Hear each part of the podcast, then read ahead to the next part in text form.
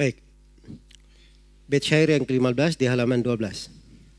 Kata beliau min sifati ulil imani nahmatuhum fil ilmi hatta liqa akbit bidin nahami.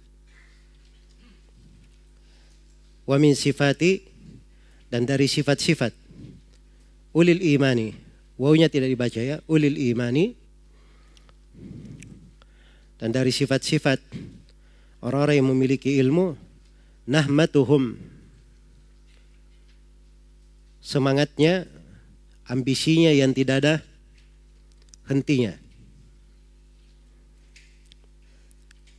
Atau bisa juga dibahasakan ketamakannya. Fil ilmi tentang ilmu dalam ilmu hatta liqa sampai mati.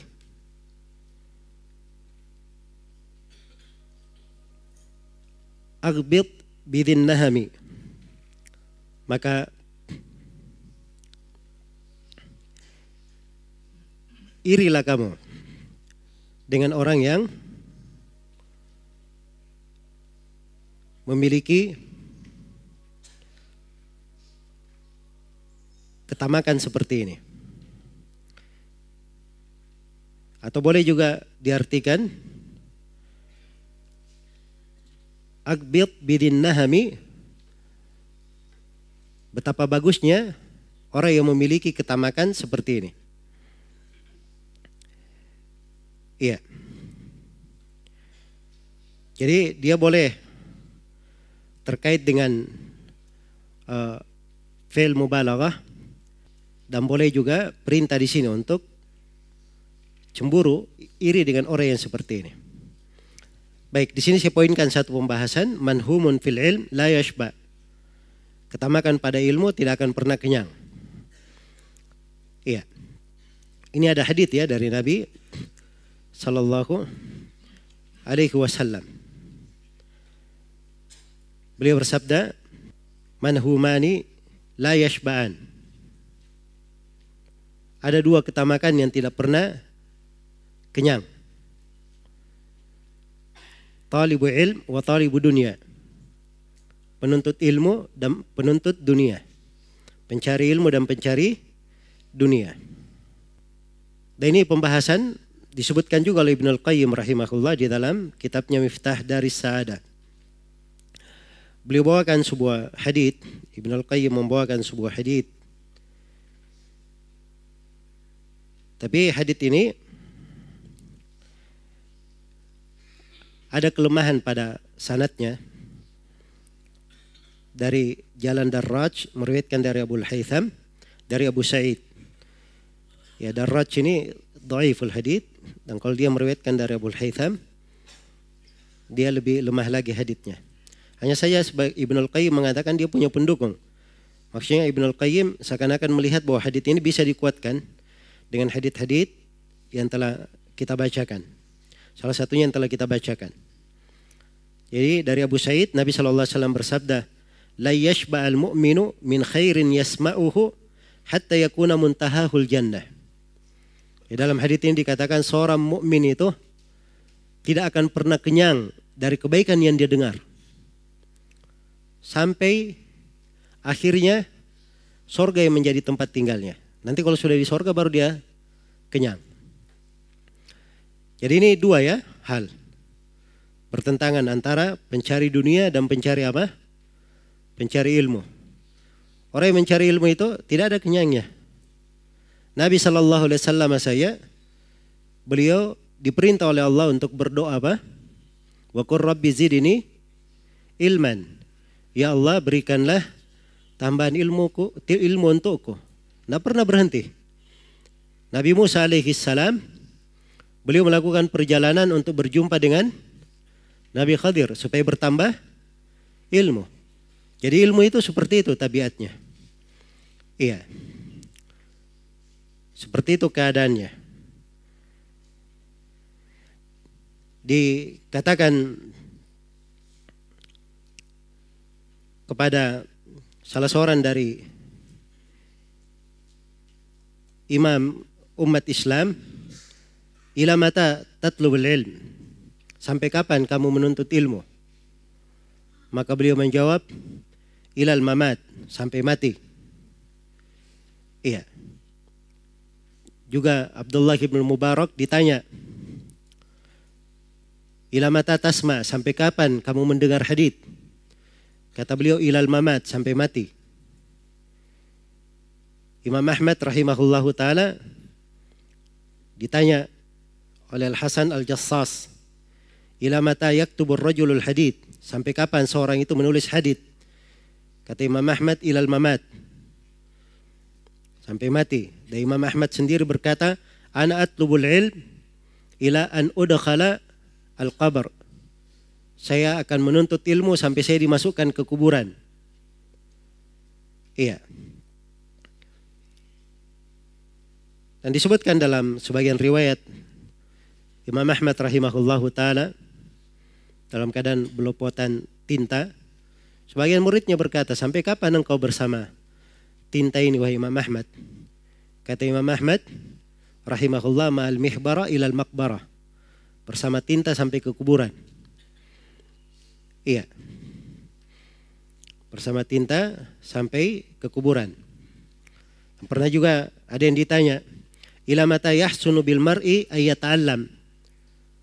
Sampai kapan seorang itu masih pantas untuk belajar?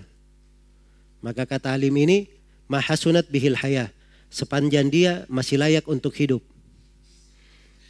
Ya. Ya kalau dia masih layak untuk hidup, berarti dia masih layak untuk apa? Untuk belajar. Demikian pula Al Hasan Al Basri ditanya tentang seseorang yang sudah berumur 80 tahun. Ayah sunu ayat lubal ilm, apakah orang yang berumur 80 tahun ini masih pantas untuk belajar? Kata Al-Hasan, in kana yahsunu bihi ayya'ish. Kalau dia masih layak untuk hidup, dia belajar. Ya. Baik. Jadi ini bahasa-bahasa para ulama yang menunjukkan semangat mereka di dalam apa? Di dalam belajar, ketamakan. Itu tidak ada habisnya. Subhanallah. Iya. Tidak ada habisnya kalau kita baca dari sirah para as-salaf di dalam hal ini. Sebagaimana ketamakan dalam il, dalam dunia juga tidak ada habisnya. Sebagaimana Rasulullah sallallahu alaihi wasallam bersabda di dalam hadis riwayat Bukhari dan Muslim, "Lau anna li Adam wadiyaini min dahab labataga ilaihima thalitha. Andai kata anak Adam itu punya dua lembah berisi emas, maka dia akan mencari lembah yang ketiga. Ya dia sudah punya dua lembah berisi emas. Itu sudah banyak apa tidak? Ya, Harusnya kan pikiran kita begitu kan, sudah banyak. Tapi ini kalau dia punya dua, dia pasti cari lagi yang ketiga. Nah, itu tabiatnya manusia seperti itu. Iya. Punya ketamakan. Punya ketamakan. Baik. Maka tidak ada yang bisa menutup dari ketamakannya terhadap dunia kecuali disebut dalam kelanjutan hadis ya kecuali tanah yang menyumbat mulutnya di kuburan. Ya. Setelah dia dikubur tanahnya sudah menyumbat mulutnya baru dia berhenti. Jadi ini perbandingan dua hal, tidak ada kenyangnya. Orang yang mencari ilmu dan orang yang mencari apa? Dunia. Hanya saja yang mencari dunia tercela, yang mencari ilmu apa? Dipuji dan berada di atas kebaikan. Iya. Kalau kita melihat dari masa dahulu ya, sebagian ulama subhanallah ada yang disebutkan ya kisah dari Imam Malik rahimahullah. Ada salah seorang dari murid beliau yang berbuat sesuatu kemudian dipukul oleh Imam Malik Iya. dipukul beberapa pukulan. Maka setelah itu tampak oleh Imam Malik rahimahullah bahwa beliau keliru dalam hal itu. Maka murid ini berkata, saya tidak maafkan engkau sampai kamu berikan saya satu hadit untuk setiap pukulan yang kamu beri. Ya. Sebab Imam Malik itu terkenal, Imam Malik.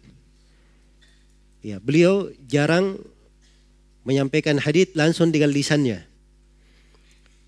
Kitab beliau sudah ada riwayat beliau muwatta. Ya, kalau murid datang, dia sudah hafal buku Imam Malik. Kalau dia mau belajar kepada Imam Malik, dia duduk saja. Imam Malik duduk, murid baca bukunya. Kalau Imam Malik diam atau berkata naam, itu artinya beliau setuju itu riwayatnya. Jadi kebanyakan orang yang meriwayatkan dari Imam Malik cuma berkata qara'tu ala Malik, saya membaca kepada Imam Malik. Ya, jarang ada yang berkata haddatsani Malik. Nah, maka ini orang ini dia ambil kesempatan. Saya mau mendengar untuk setiap pukulan yang kamu pukul saya satu hadit dari lisanmu. Maka Imam Malik pun menyampaikan hadit sejumlah yang dia pukul.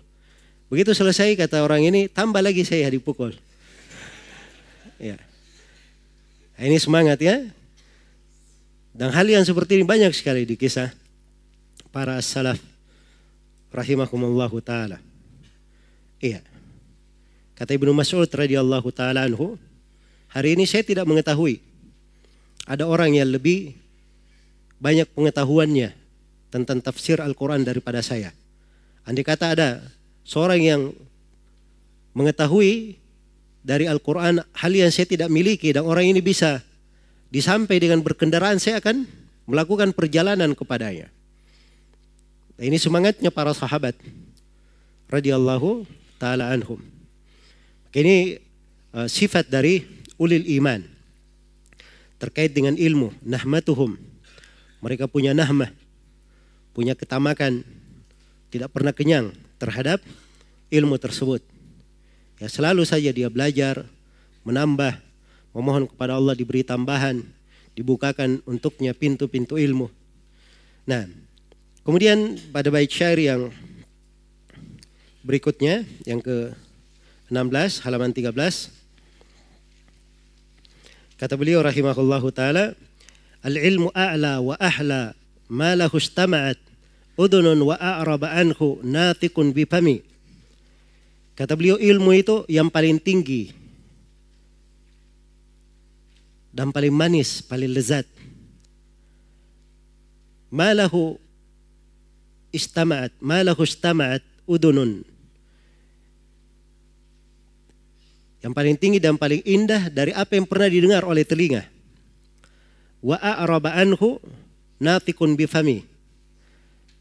Yang paling tinggi dan paling manis dari hal yang pernah dijelaskan secara gamblang oleh orang yang berbicara dengan mulut.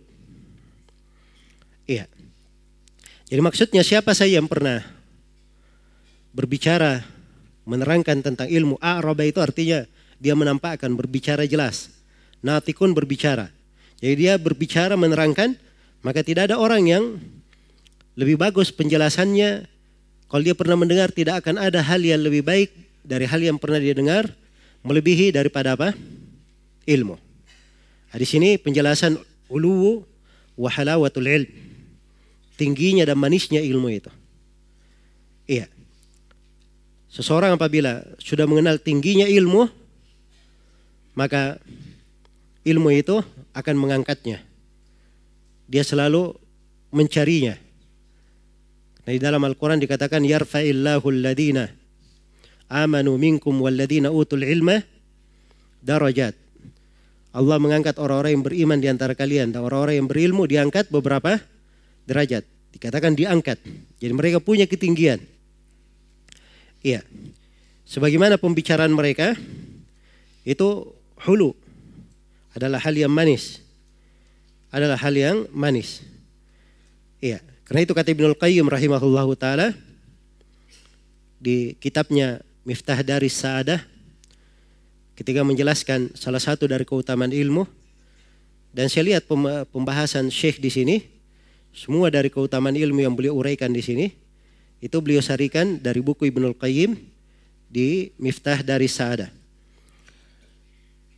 Ibnul Qayyim menjelaskan sisi keutamaan ilmu yang ke-98. Kata beliau, "Annahu la syai'a atyabu lil abad wala aladdu wala ahnau wala an'amu liqalbihi wa aishihi min mahabbati fatirihi wa bari'ihi wa dawami dzikrihi wa sa'i fi mardati." Iya. Sesungguhnya tidak ada hal yang lebih baik untuk seorang hamba, tidak ada yang lebih lezat, tidak ada yang lebih memuaskan, tidak ada yang lebih nikmat untuk hatinya, untuk kehidupannya, melebihi kecintaannya kepada Allah yang mengadakannya dan uh, memunculkannya. Dan tidak ada yang lebih nikmat daripada dia selalu mengingat Allah Subhanahu wa taala berusaha untuk meraih ridhonya. Ya, dan untuk itu semua Ibnul Qayyim rahimahullahu taala terangkan setelah itu wala sabila ila ad-dukhul ila dalika illa min babil ilm. Tidak ada jalan untuk masuk di dalam hal itu kecuali melalui pintu apa? Pintu ilmu. Iya. Jadi semuanya adalah terkait dengan ilmu. Terkait dengan ilmu. Ilmu ini siapa yang sudah mengenalnya, maka dia akan mengetahui tidak ada yang lebih tinggi daripada ilmu. Kalau dia pernah merasakan sesuatu yang indah, yang manis, maka tidak ada yang lebih indah dan lebih manis daripada apa? Daripada ilmu. Iya. Daripada ilmu. Ya. Karena itu dia rasakan bagaimana dia begadang di malam hari itu lebih indah daripada dia masuk di dalam perkara yang sia-sia. Bagaimana dia menulis dari hadith tersebut, suara tulisan-tulisan dari kertas yang dia menulis, itu dia punya kebahagiaan. Hal yang apa? Tidak dia rasakan pada perkara-perkara yang lainnya. Iya. Karena ilmu ini terkait dengan hal yang paling baik di dalam kehidupan untuk seorang hamba, maka dia tidak akan ketemukan sesuatu yang lebih lezat, lebih tinggi dan lebih manis daripada ilmu tersebut. Iya. Kalau Rasulullah sallallahu alaihi wasallam bersabda, "Daqa ta'mal iman man radiya billahi rabban wa bil islami dinan wa bi Muhammadin rasula." Akan merasakan nikmatnya iman, lezatnya iman Siapa yang ridha Allah sebagai Rabbnya, Islam sebagai agamanya, Nabi Muhammad sebagai Rasulnya. Seluruh hal ini terkait dengan ilmu. Terkait dengan apa? Dengan ilmu. Baik. Kemudian di bait syair yang ke-17 kata penulis al-ilmu ghayatuhul quswa wa rutbatuhul al-ya'u fas'au ilaihi ya ulil himami. Ya. Itu ulil himami wawunya tidak dibaca juga ya langsung ya ulil himami kata beliau al ilmu ilmu itu ghayatuhul quswa tujuannya yang terpuncak warutbatuhul ulya dan kedudukannya yang tertinggi fas'au ilaihi karena itu bersegeralah engkau padanya ya ulil himami wahai orang-orang yang memiliki himmah. Ya, wahai orang-orang yang memiliki apa? Semangat. Jadi ilmu ini bagi seorang yang sudah mengenalnya itu akan menjadi tujuan yang tertinggi. Dan kedudukan yang paling terpuncak. Seperti itu keadaannya. Iya. Karena tidak ada lebih tinggi daripada ilmu sebagaimana yang telah diterangkan. Dan tidak ada lebih lezat darinya. Karena itu nasihat penulis, fas'au ilaihi ya ulil himami. Bersegeralah engkau kepadanya. Pakai kata fas'au, bersegera, berlari. Iya. Berlari. Dipakai kata sa'i berlari. Ini karena pertama Seorang itu perlu bersegera dalam belajar, menuntut ilmu. Jangan lambat. Tidak malas-malasan. Kemudian yang kedua dipakai bahasa bersegera. Orang yang bersegera itu ada sesuatu, mungkin saja ada sesuatu di belakangnya yang dia apa? Dia khawatirkan, dia takutkan. Ya karena memang sepanjang Allah bukakan kesempatan untuk seseorang, dia sambut kesempatan itu. Dia sambut kesempatan tersebut, jangan dia tinggalkan. Iya, jangan dia tinggalkan. Nah, dan ini yang dilakukan oleh para ulama dari masa ke masa. Mereka tidak meninggalkan dari kesempatan dan peluang di dalam belajar. Tapi ini semuanya untuk ulil himam, orang yang memiliki apa? Himmah. Iya. Sebab kalau dia punya semangat yang kuat, dia sudah jadikan ilmu itu sebagai tujuannya yang terbesar, kedudukannya yang tertinggi, maka akan ringan segala sesuatu. Iya. Ringan segala sesuatu. Karena jiwanya sudah menjadi jiwa yang besar jiwanya sudah terbentuk untuk cinta kepada ilmu. Karena itu kata Abu Tayyib Al-Mutanabbih, "Wa idza kanatin nufusu kibara ta'ibat fi muradihal ajsadu." Apabila jiwa-jiwa itu adalah jiwa yang besar, maka jasad itu akan letih untuk melayani dia dalam memenuhi keperluannya. Ya, sebab orang yang jiwa besar terlalu banyak yang ingin dia capai, banyak hal yang ingin dia kerja.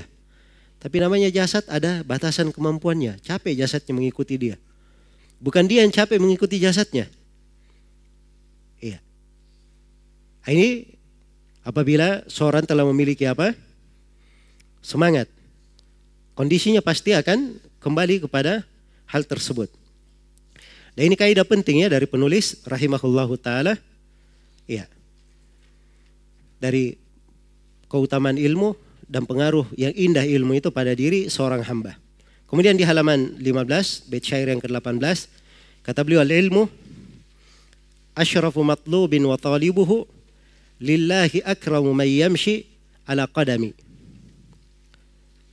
Iya. Kata beliau ilmu itu hal yang dicari yang paling mulia. Hal yang dicari yang paling mulia. Wa talibuhu dan orang yang menuntut ilmu, mencari ilmu lillahi bagi Allah akramu may yamshi ala qadami. Dia adalah orang-orang yang paling baik, orang-orang yang terbaik yang pernah berjalan di atas muka bumi. Baik. Ya, di sini penulis rahimahullahu taala menjelaskan bahwa ilmu itu asyrafu matlub. Dan ini poin yang pertama yang saya poinkan, al-ilmu asyrafu matlub. Nah, ini kaidah dalam ta'zimul ilm, perlu dipahamkan. Bahwa ilmu itu tuntunan yang termulia. Hal yang dicari yang paling mulia, paling agungnya. Iya. Yang paling agungnya. Karena pertama ketika seorang belajar ilmu, apa ilmu apa yang dia pelajari? Ilmu agama. Iya kan? Agama itu milik siapa? Milik Allah. Jelas? Agama itu anugerah Allah, pemberian Allah. Jadi begitu dia mempelajari sesuatu yang berasal dari Allah, maka itu yang paling mulia, tidak lebih mulia daripada hal tersebut.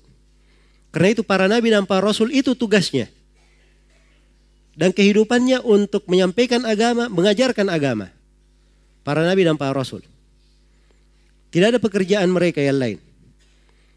Dan para nabi dan para rasul, iya, mereka adalah makhluk Allah yang paling baik. Karena itu, kalau kita ingin memilih sesuatu, pilihlah apa yang dikerjakan oleh para nabi dan para rasul. Nah, maka ini asyrafu matlub. Hal yang paling mulia. Hal yang paling mulia. Karena itu di dalam Al-Quranul Karim selalu diberikan perbandingan. Hal yastawil ladina ya'lamuna wal ladina la ya'lamun. Apakah sama orang yang mengetahui dan tidak mengetahui? Beda. Dan Allah Subhanahu wa taala berfirman, "Afama ya'lamu annama unzila ilaika min rabbikal haqqu kaman huwa ama apakah orang yang mengetahui punya ilmu bahwa yang diturunkan kepada engkau Nabi Muhammad benar. Apakah mereka sama dengan orang yang buta? Jadi mencari ilmu itu adalah hal yang paling apa? Adalah hal yang paling baiknya. Iya yang paling mulianya. Yang paling mulianya. Dan yang kedua, talibul ilm akramu may yamshi alal ard. Penuntut ilmu adalah orang yang termulia yang berjalan di atas muka bumi. Ya, karena Allah Subhanahu wa taala berfirman dalam Al-Qur'an, "Apa may yamshi mukibban ala ala wajhihi ahda amma yamshi sawiyan ala sirati mustaqim." Apakah orang yang berjalan dalam keadaan mukanya itu terseret di atas tanah, apakah ini lebih berpetunjuk daripada orang yang berjalan seimbang di atas jalan yang lurus. Yang mana yang lebih bagus? Yang pertama atau yang kedua? Yang kedua tentunya yang berjalan lurus di atas jalan yang lurus. Inilah para penuntut ilmu. Inilah orang-orang yang mengenal ilmu agama, mengenal keimanan, mengenal dari amalan salih, mengenal agama yang lurus. Ya. Mengenal petunjuk dan agama yang lurus. Baik. Jadi ini dua sisi dari keutamaan ilmu tersebut. Ya. Jadi seluruh makhluk kalau dilihat di dalam bahasa Al-Qur'an seluruh dari makhluk yang ada itu tidak ada yang lebih baik daripada orang yang mempelajari ilmu. Ya, mungkin akan datang lagi sebagian poin seputar ini pada pembahasan yang akan datang. Baik, di halaman 16. Bait syair yang ke-19. Kata penulis rahimahullah, Al-ilmu nurun mubinun yastadi'u bihi ahlus sa'adati wal juhalu fi dhulami. Ilmu itu adalah cahaya yang sangat terang. Yastadi'u bihi yang dijadikan sebagai lentera ahlus sa'ada oleh orang yang beruntung. Wal juhalu fi dhulami. Sedangkan orang-orang yang jahil berada di dalam kegelapan. Iya. Nah, di sini pembahasan yang ditegankan baina nuril ilm wa dhulmatil jahal antara cahaya ilmu dan kegelapan kebodohan. Perbandingan. Jadi kita perbandingkan antara cahaya dari ilmu dan kegelapan apa? Kejahilan. Perbedaan antara ilmu dan kejahilan, ilmu itu cahaya. Sedangkan kejahilan adalah apa? Kegelapan. Beda atau tidak? Ya tentunya sangat berbeda sekali. Dan ini dibedakan oleh Allah Subhanahu wa taala di banyak ayat Al-Qur'an. Di antaranya Allah Subhanahu wa taala berfirman, "Afaman kana maitan fa ahyaynahu wa ja'alna lahu nuran yamshi bihi fin nasi kaman mathaluhu fi dhulumati laysa bi kharijin minha.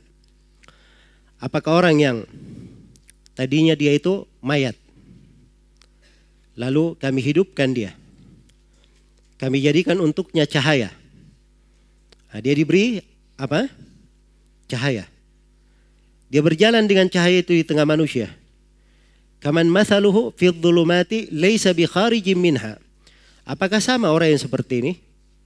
dengan orang yang perumpamaannya di dalam kegelapan tidak mau keluar darinya.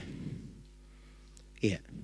Dibedakan antara ilmu dan kejahilan. Maka manusia ini dibagi menjadi dua. Ada orang yang tadinya mayat dihidupkan, kemudian diberi cahaya.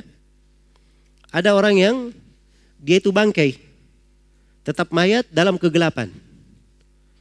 Iya. Jadi ini kalau kita ikuti bahasa Al-Quran, berarti ada mayat-mayat berjalan.